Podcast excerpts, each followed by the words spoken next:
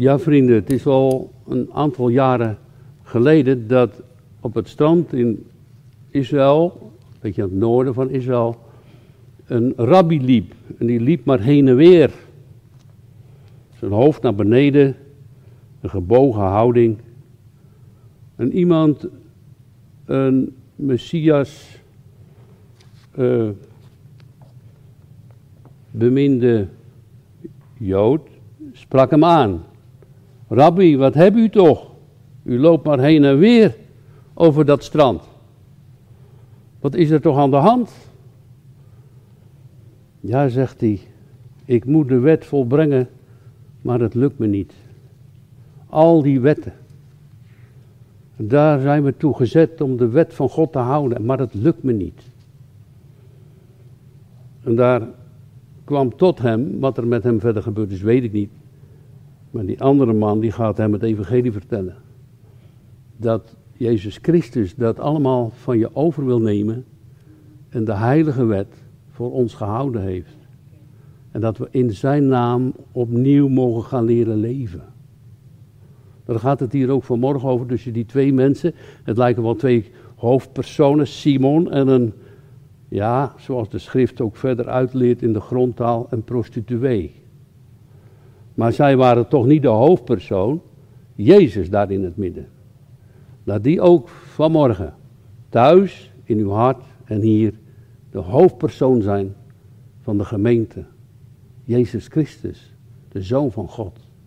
De hoofdpersoon, wat hij doet. Wat hij voor liefde heeft.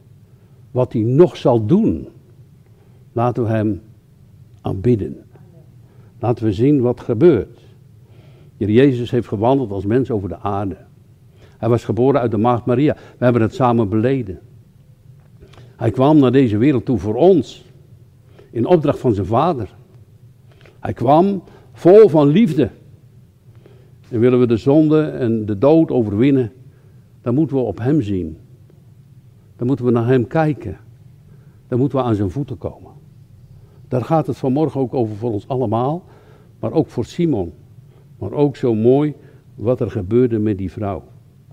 Jezus werd dus uitgenodigd bij Simon, zo staat het in de schrift, de fariseer. Nou, en dan is dat wel heel bijzonder dat de Heer Jezus bij een fariseer uitgenodigd werd.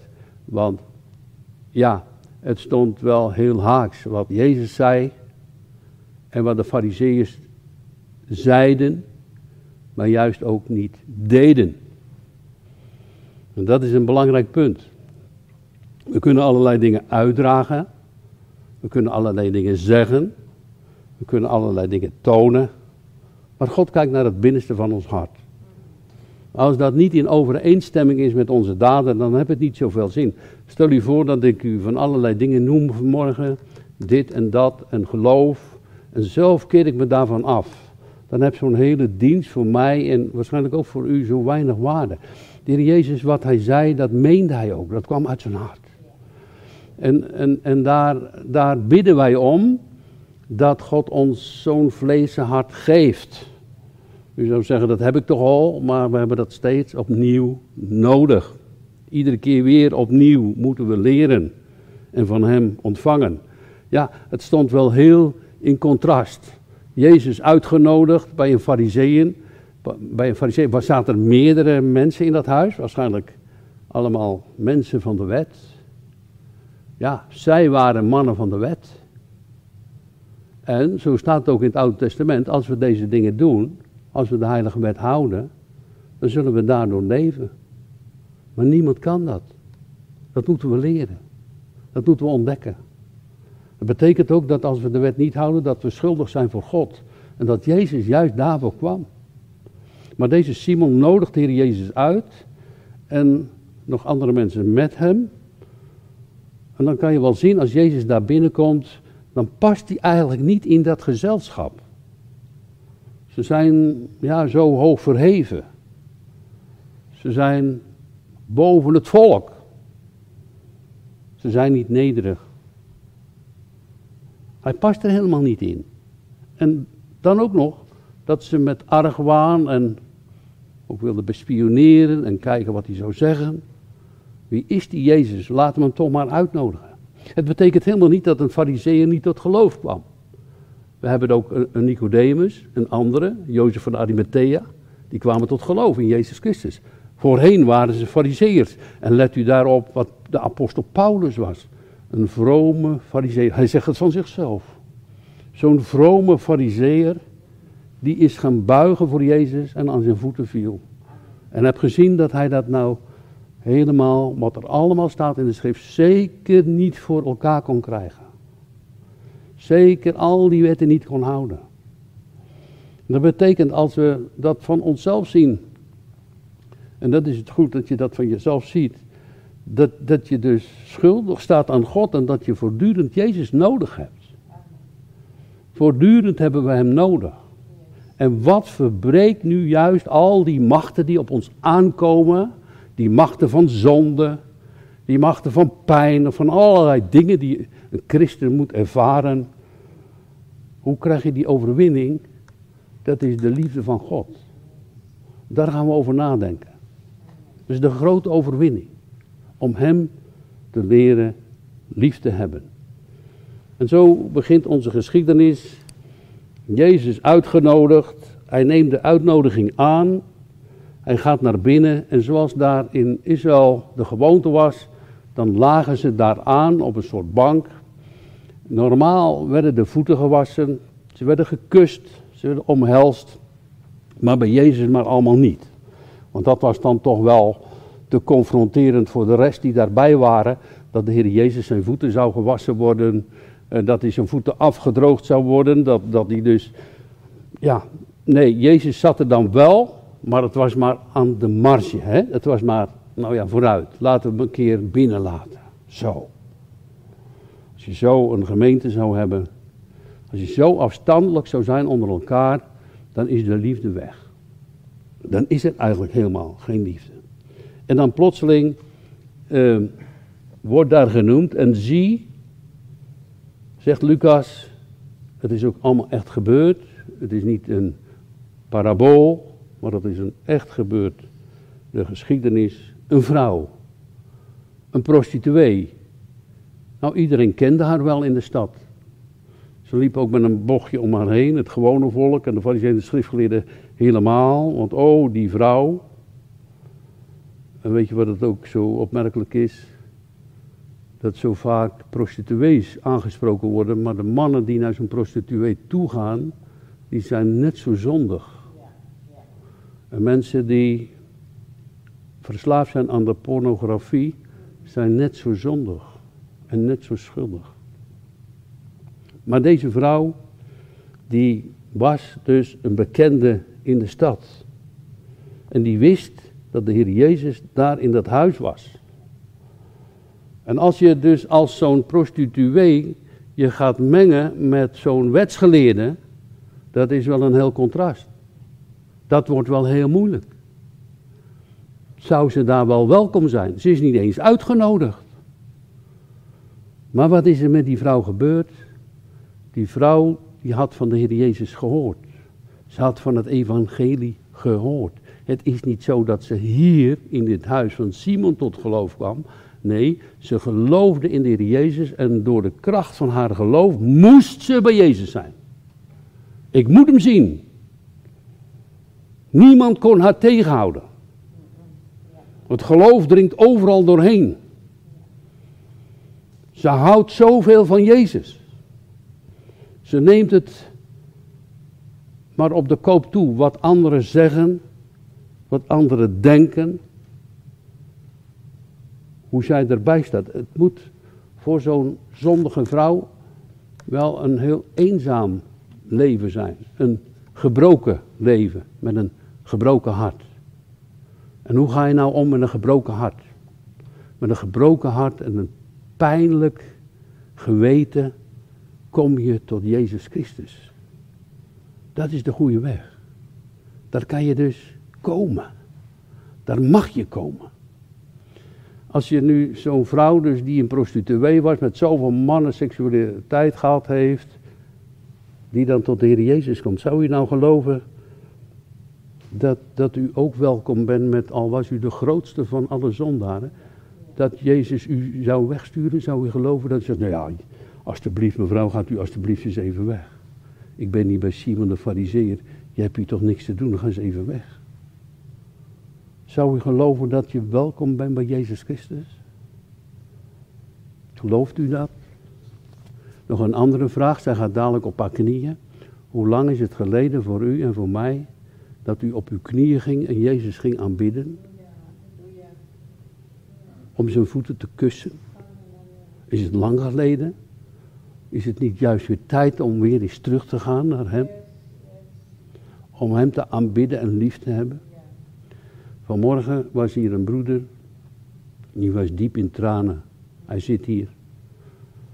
En die knielde voor Jezus. En dan wordt je hart verruimd. We zongen het op het laatste uh, van deze psalm. Hij die door smart op smart gedrukt werd, zond tot God zijn bede, zijn gebed. Terstond, direct dus, verdween het ondraaglijke verdriet uit zijn benepen hart. Dat gebeurt als je naar Jezus gaat. Die grote overwinnaar. Die heerlijke Christus.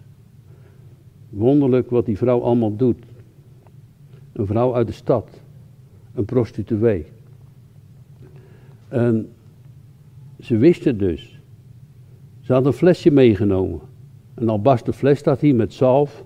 Uh, als je de grondtekst leest is een soort parfum.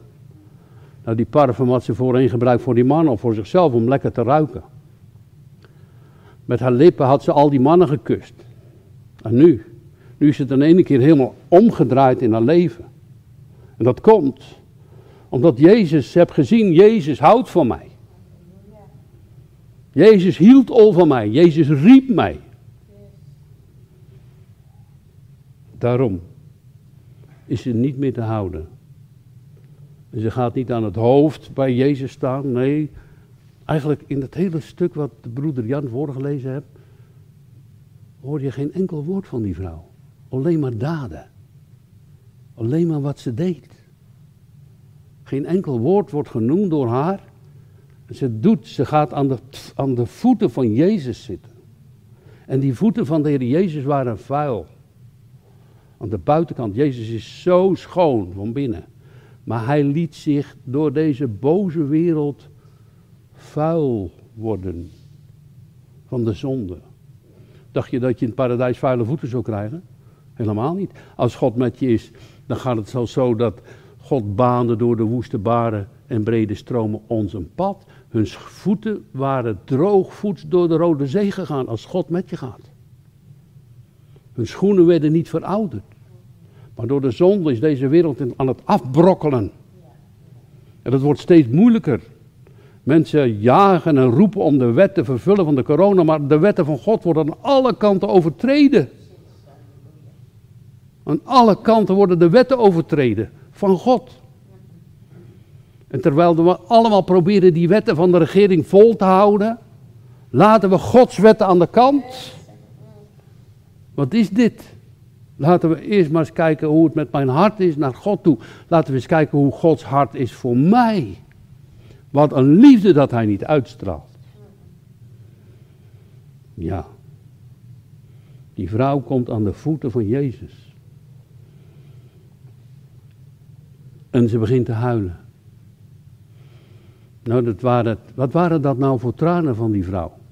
Waren dat nou tranen van, oh ik moet nog tot geloof komen. Nee, het staat in de Heilige Schrift dat ze tot geloof gekomen was. Ze was dus een kind van God.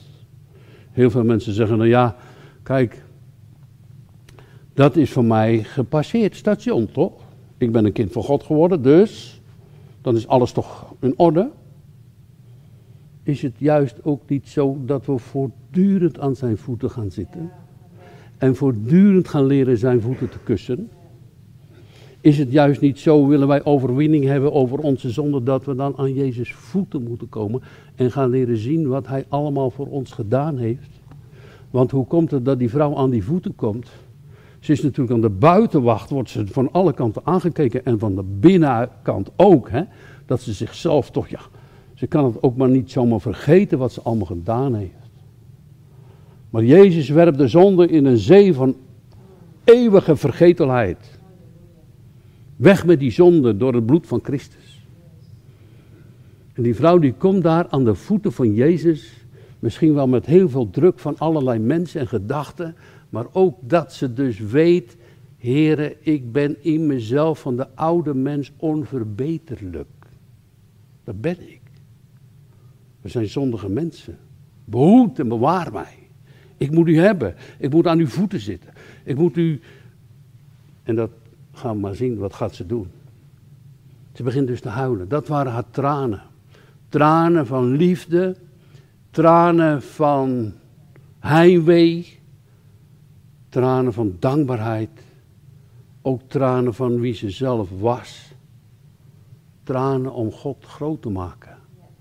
God bewaart de tranen in zijn fles. Tranen kunnen we hebben voor de ander.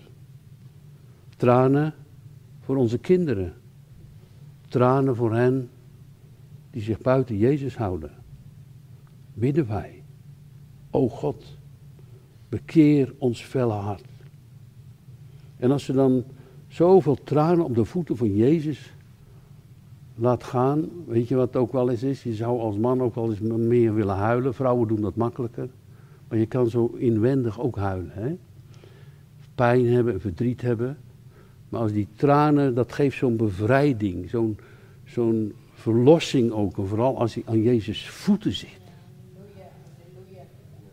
En daar te knielen. En van hem te houden. Dus het is niet voor haar een gepasseerd station, terwijl ze een kind van God geworden is. Heel veel mensen die dus, die al die slechte mensen zien, snappen niet wat de bedoeling en het plan, en maar ook het evangelie van Jezus Christus is. Die snappen niet wat, wat, wat, wat er in de Bijbel nu eigenlijk bedoeld wordt. Dat gaan we dadelijk zien met het verhaal van Simon.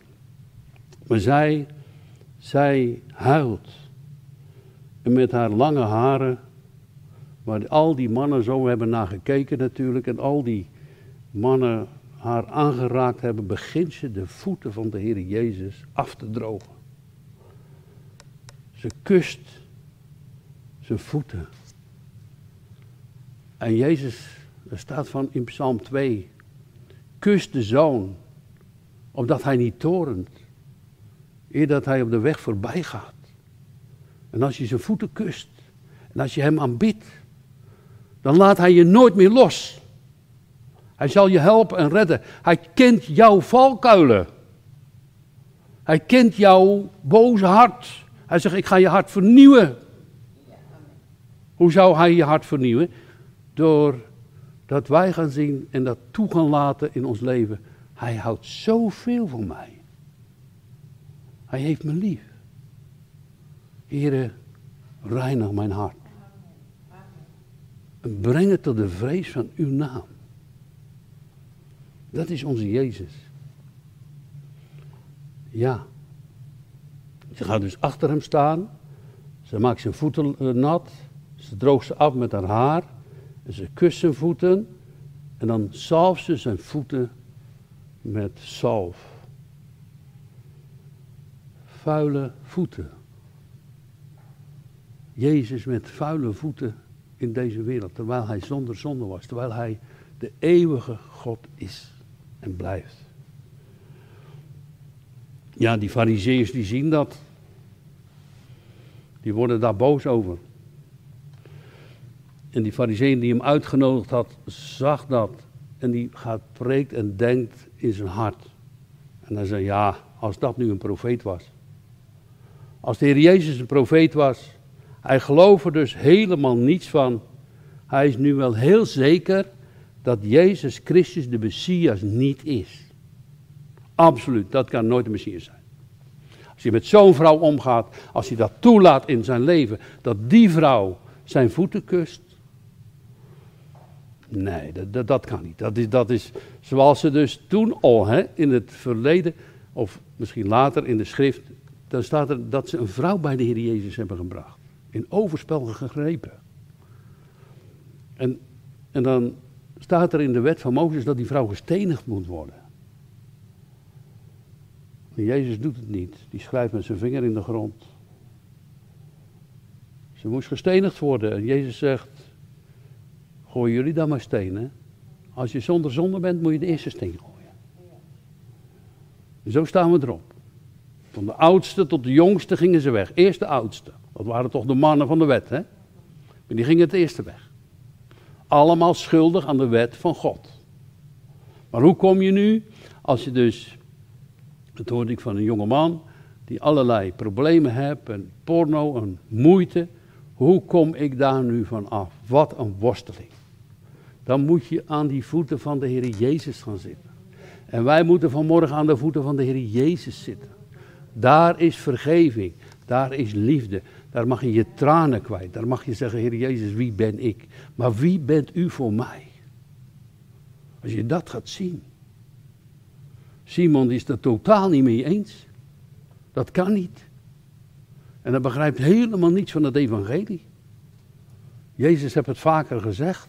Het is voor ons ook nog vaak een hele les. Hij zegt, ik ben niet gekomen om rechtvaardigen tot bekering te roepen. Die hebben het toch allemaal al in hun pocket. Die rechtvaardigen denken toch al dat ze binnen zijn. Die kan ik toch niet erbij roepen. Die hebben in hun hoofd dat ze dus volmaakt zijn. Maar zondaren, die gaan zien, hé, mijn felle hart. Bekeer mijn felle hart, Jezus. Geef ons genade. Geef ons uw trouw. Geef ons uw liefde. U bent mijn bron. U bent mijn leven. Zonder u heb ik niets.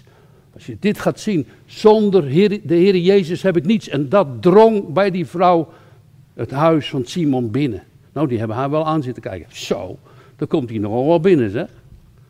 In zo'n clean, mooi huis met al die wetsgeleerden.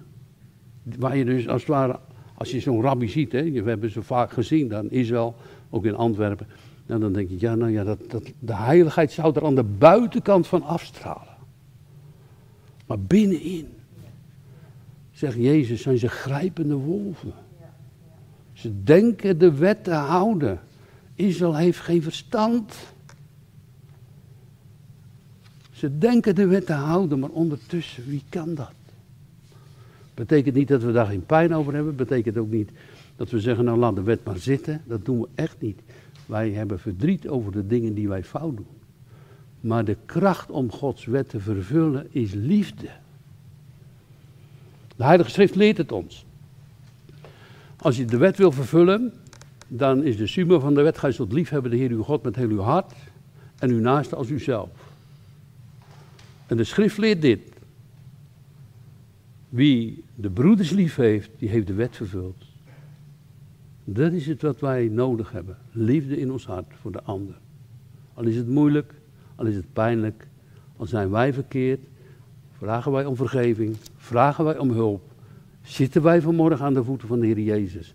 Komen er nog veel meer dingen over ons heen, mensen? We zijn zo verslagen over kleine dingetjes. Wat dacht u?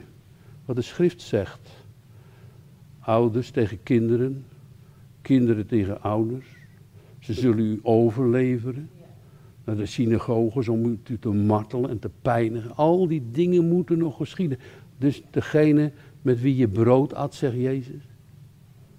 Dat soort dingen staan te komen. Laten we sterker worden. Laten we aan de voeten van Jezus gaan zitten. Laten we Hem gaan aanbidden. Laten we zien dat Hij onze enige reddings is. Het is niet zo, vrienden, dat wat Paulus zegt in de Korinthebrief. Nou, die is voor Paulus en die is voor Barnabas en die is voor Apollos. Hij zegt, jullie zijn vleeselijk. Hij zegt, ik ben voor Christus. Dat is mijn bron. Dat is mijn leven. Zijn we dan zonderloos? Nee. Voortdurend vallen we in valkuilen, in valstrikken. Voortdurend heb je te maken als je zo'n zo kracht hebt van macht over de pornografie. Dat je in die valkuil getrokken wordt. Ga eens aan de voeten van Jezus zitten. En overwin in zijn naam. Simon denkt er heel anders over. De fariseer. Had Jezus wel uitgenodigd, wilde hem best wel spioneren. Als dit een, profeet was, eh, dan zou hij wel weten welke vrouw het is die hem aanraakt, want ze is een zonderes. Maar Jezus doorziet zijn hart en kijkt zo ook vanmorgen in onze harten. Hij weet precies hoe het is. Hij kent onze harten. Er is dus bij die vrouw geen woord gezegd, maar vanuit haar hart doet ze dingen voor God die voor ons als een geweldige les heel belangrijk zijn. En vanuit het hart van Simon komt naar buiten het wegduwen van de ander. Weg met die vrouw. Weg met die vrouw. En de Heer Jezus gaat met Simon in gesprek. Simon, ik heb u iets te zeggen. En hij zegt, zeg het meester. Hij heeft schijnbaar niet in de gaten dat de Heer Jezus zo in zijn hart kijkt. Dat de Heer Jezus wel weet wat hij denkt. Dat de Heer Jezus de boosheid van ons hart wel kan zien als het fout zit. De Heer Jezus weet het wel. En roept ons terug. Het is niet zo dat de Heer Jezus zegt, nou kijk, die vrouw heb ik lief en Simon, jij hoort er niet bij. Absoluut niet. De Heer Jezus wil iedereen redden. Ook die fariseer. Ook die wetsgeleerde. Ik heb u wat, zeg het meester. En hij, de Heer Jezus heeft dan een voorbeeld. En hij zegt, een schuldeiser had twee schuldenaars. En die moeten het terugbetalen. Hè? Dus als het normaal is, dan de een had, was 500 penningen schuldig en de ander 50. Ja, ze komen bij die man en zeggen, ja, neem me niet kwalijk, maar we hebben die schuld wel, maar we kunnen het niet terugbetalen. Toen zij niets hadden om te betalen, schold hij het hun beiden kwijt. Simon, wie van de twee zal die schuldeiser meer lief hebben? En Simon antwoordde en zei: Ik denk dat hij het is aan wie hij het meeste kwijtgescholden heeft. En hij zei tegen hem: U hebt juist geantwoord. En dat is ook een les voor ons. Als we zouden denken dat we gearriveerd zijn en niet meer aan de voeten van de Heer Jezus hoeven te komen en niet meer onze tranen zouden hebben voor Jezus Christus, op welke manier dan ook maar, laten wij dan letten op Maria Magdalena. Waren zeven duivelen uit haar geworpen. En als ze bij het graf staat en ze dacht dat de Heer Jezus daar nog in lag of dat hij gestolen was, dan weent ze bittere tranen. Ze kan niet zonder Jezus. Soms is die uit ons gezichtsveld. Omdat we zo hard geworden zijn van onszelf. Omdat we de verkeerde weg in hebben geslagen. Jezus die is getrouw. Ooit je voeten hebt gekust vanuit jouw hart, laat hij jou nooit meer los. En zal hij je terugroepen. En zo zit die Maria Magdalena daar aan het graf van Jezus te wenen. En ze kan niet zonder haar meester zeven duivelen uitgeworpen. Zoveel vergeven. Als de Heilige Geest. Dus, dus dat is eigenlijk een optelsom. Hè? Hier is een, een, een, voorbeeld. Dat Jezus zegt, dus als je. Natuurlijk zijn wij uh, niet aan het prediken dat je maar veel moet zondigen. Absoluut niet. Maar als je dus meer en meer inzicht krijgt door de Heilige Geest. Wat jij allemaal bent wat ik allemaal deed. Wie ik voor God ben. Hoe afkerig je was. Hoe je je eigen wegen ging. Hoe je jezelf maar wilde verhogen en verheffen. En je gaat dat allemaal zien voor het heilig aangezicht van God. En dan Jezus daar bij jou, voor jou, uit de hemel. Je gaat zien dat hij dat allemaal kwijt wil schelden dan mag de liefde van ons groter worden. Want dat wil God ook, dat we Hem vanuit ons hart van harte lief hebben. En dat gaat gelijk op met de kennis van wie wij zijn. Dat legt hij hier heel duidelijk uit. Wie ben ik voor God? Dat legt hij heel duidelijk uit. Wie veel vergeven heeft, is, die zal ook heel veel lief hebben. Simon heb je goed geantwoord. En jij bent het dus niet eens met deze vrouw. En dan, dan ga ik het over die vrouw hebben, zegt de Heer Jezus. En hij keerde zich om naar de vrouw. En hij zegt tegen Simon: Zie je die vrouw daar zitten? Ik kwam in uw huis. Water voor mijn voeten heb je me niet gegeven. Maar ze heeft mijn voeten met tranen nat gemaakt. En met haar haar, het hoofd van haar hoofd, mijn voeten afgedroogd. Waarom, Simon, zie je dit niet? Waarom, wat Jezus dadelijk gaat zeggen, uh, ze heeft veel lief gehad. Waarom zullen wij de Heer Jezus lief hebben? Omdat Hij ons eerst heeft lief gehad. Omdat Hij ons riep. Omdat Hij ons niet in die bagger liet zitten. Omdat Hij ons uit wil trekken en steeds opnieuw dat zal doen. Hij houdt van ons. Hij brengt ons weer terug. Zoals we dat mogen zien op het schilderij van Cleo. Hij trekt ons uit de diepste put omhoog. En zet ons op een rots. Hij wil zijn naam verhogen over ons. De duivel zegt, ik heb macht over die mensen. Nee, zegt Jezus, deze mensen zijn van mij. Ik ga ze verlossen. Ik ga ze vernieuwen. Mijn naam zal groot gemaakt worden. En tot in alle eeuwigheid zullen we leren Jezus zijn voeten te gaan kussen. Tot in de hemel toe. Dat stopt niet. Dat blijft maar doorgaan. Wat in Jezus. Daarom maken wij veel mee ook in onszelf opdat we dus een afkeer krijgen van ons eigen bedoelingje en ons leven gaan zoeken buiten onszelf in Jezus Christus, de Zoon van God. Dat is mijn leven, dat was voor haar haar leven. Wat had die vrouw? Ja, ze werd door die hele gemeenschap uitgebannen. Door de fariseeën en de schriftgeleerden was er zeker geen mogelijkheid om tot God te komen. Want die vrouw was gewoon te slecht. Maar dan komt Jezus. Simon heeft er helemaal niets van begrepen van dat evangelie. Hij denkt, als ik nu begin om God lief te hebben, dan zal God dadelijk mij wel lief hebben. Nee, bij die vrouw is het andersom. Jezus houdt van mij.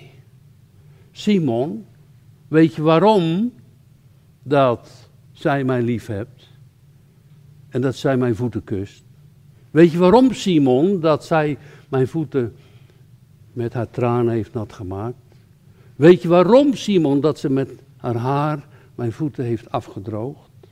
En waarom, Simon, dat zij mijn voeten gezalfd heeft?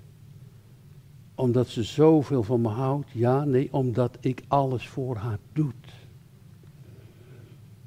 Daarom. Ik ga voor haar dadelijk betalen aan het kruis. Voor al die zonden van heel haar leven. Die ga ik dadelijk aan het kruis gooien. Hangen. En mijn bloed stort ik voor haar. Opdat ze genezen zal zijn. Opdat ze, en dat gelooft ze nu al. Anders zou er dus bij het Oude Testament niemand zalig kunnen worden als je moet wachten dat Jezus gekruisigd was en zijn bloed vloeide. Nee, zij geloofde naar de toekomende God die dat voor hen zou doen. En wij geloven terug dat hij het voor ons gedaan heeft. Dat is het.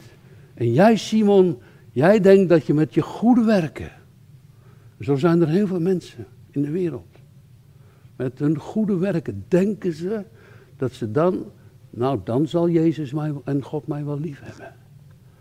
Dat, dat zijn dus alle religieën buiten dit ene van Jezus Christus en de schrift. Daar zit altijd werken van doen en laten van de wet in. Als ik dat doe, dan krijg ik die betaling.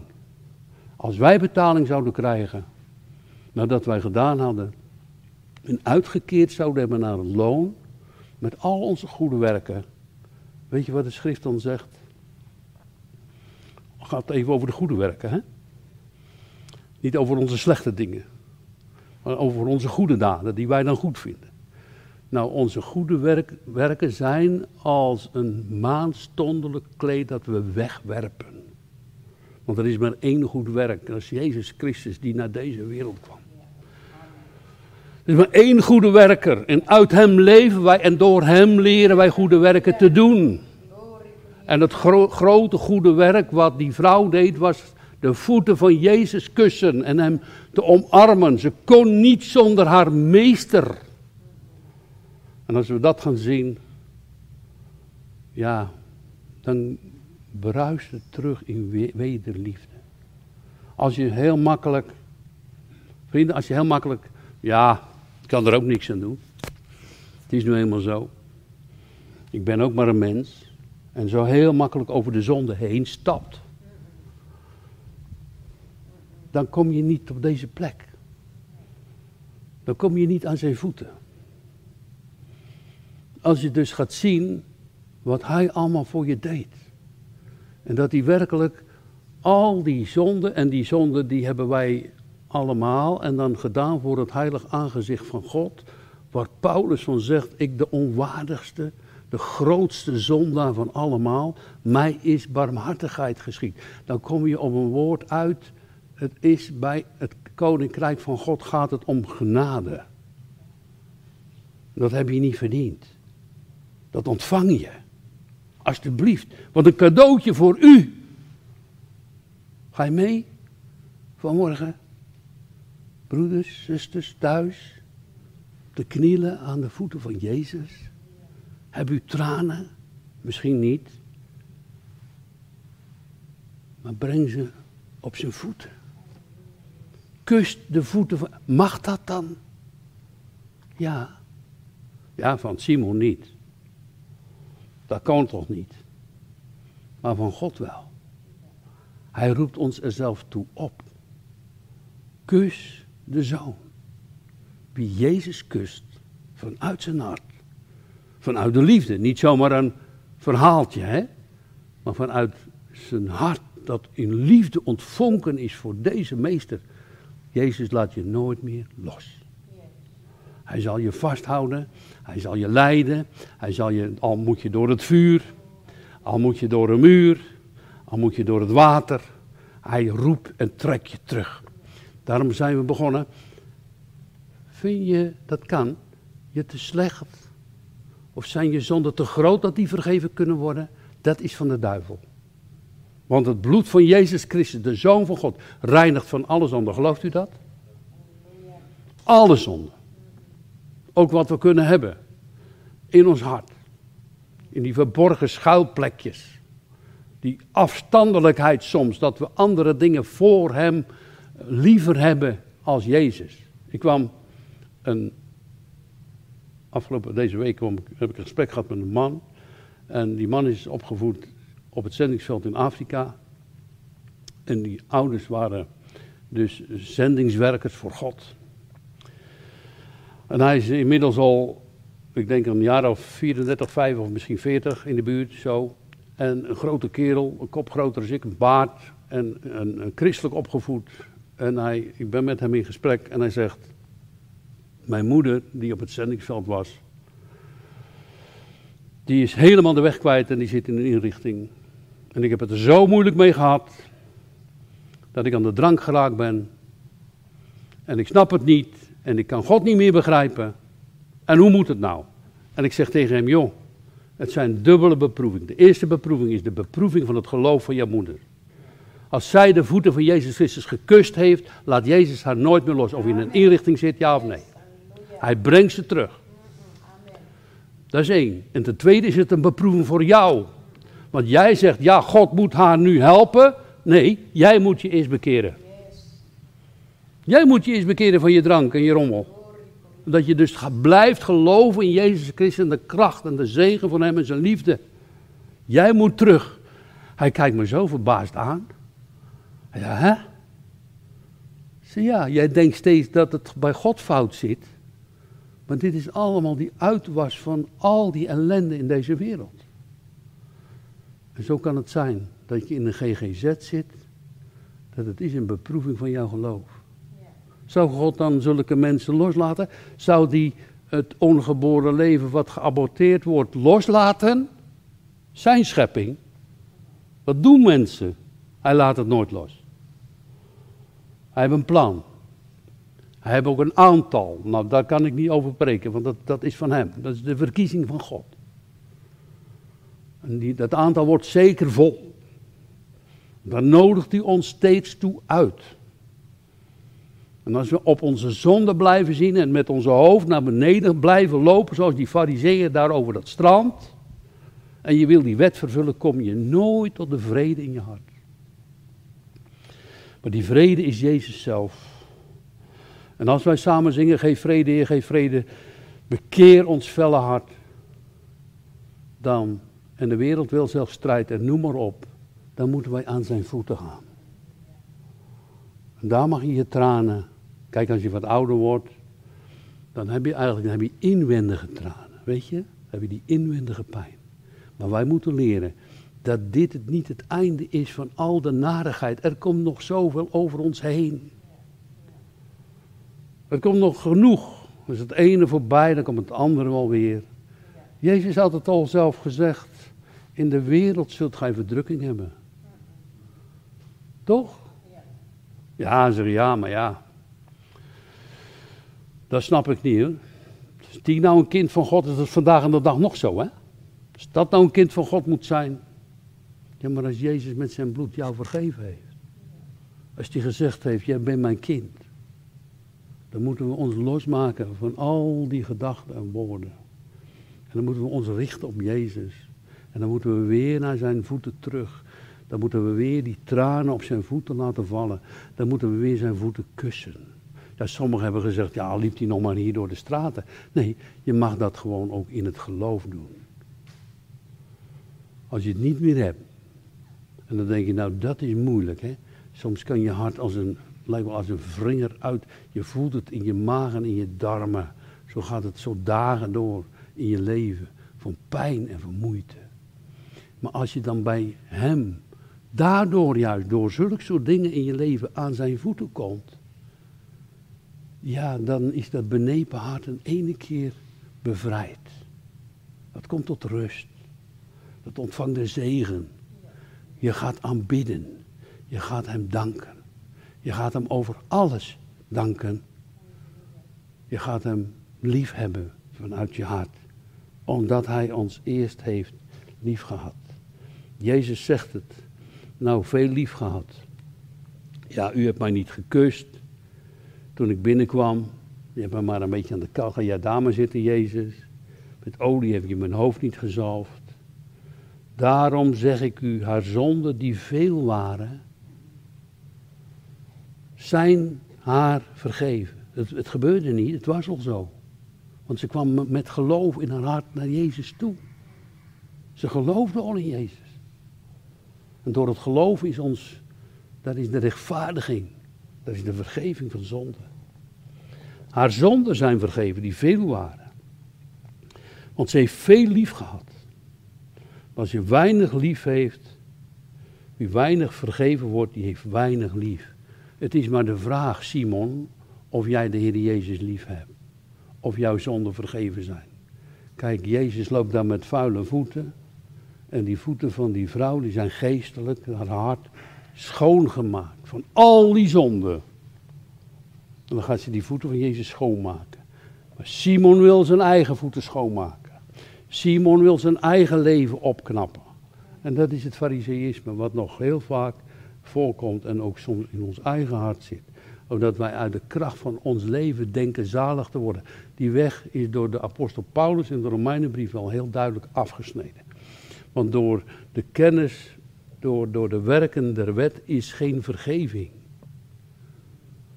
Betekent helemaal niet, en dat prediken we absoluut niet, dat we wetteloos zullen leven. Dat doet die vrouw echt niet meer. Dat heeft Paulus ook niet gedaan. Deze vrouw, die heeft van, ze komt iedere keer terug bij Jezus en uit die kracht van Jezus gaat ze leren zien en gaat ze ook de kracht ontvangen om een ander leven te hebben in deze wereld. Haar lippen hadden zoveel mannen gekust. Die olie en die parfum was zo voor die andere mannen. En nu Jezus, onze Heer. En hij zegt tegen haar, uw zonden zijn vergeven. Wat die anderen ook maar zeggen hoor. Jij bent een kind van God. Maar die mensen die daarbij zitten, er waren er dus meer. Het staat hier in dat uh, ehm, 49ste vers. Die zeggen bij zichzelf, Jezus ziet dat, hè? die kent dat.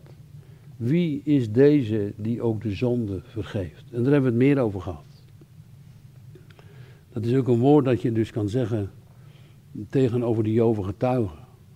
Want ze zeggen, niemand kan toch de zonde vergeven dan God alleen. En dat is ook zo. Jezus is onze God.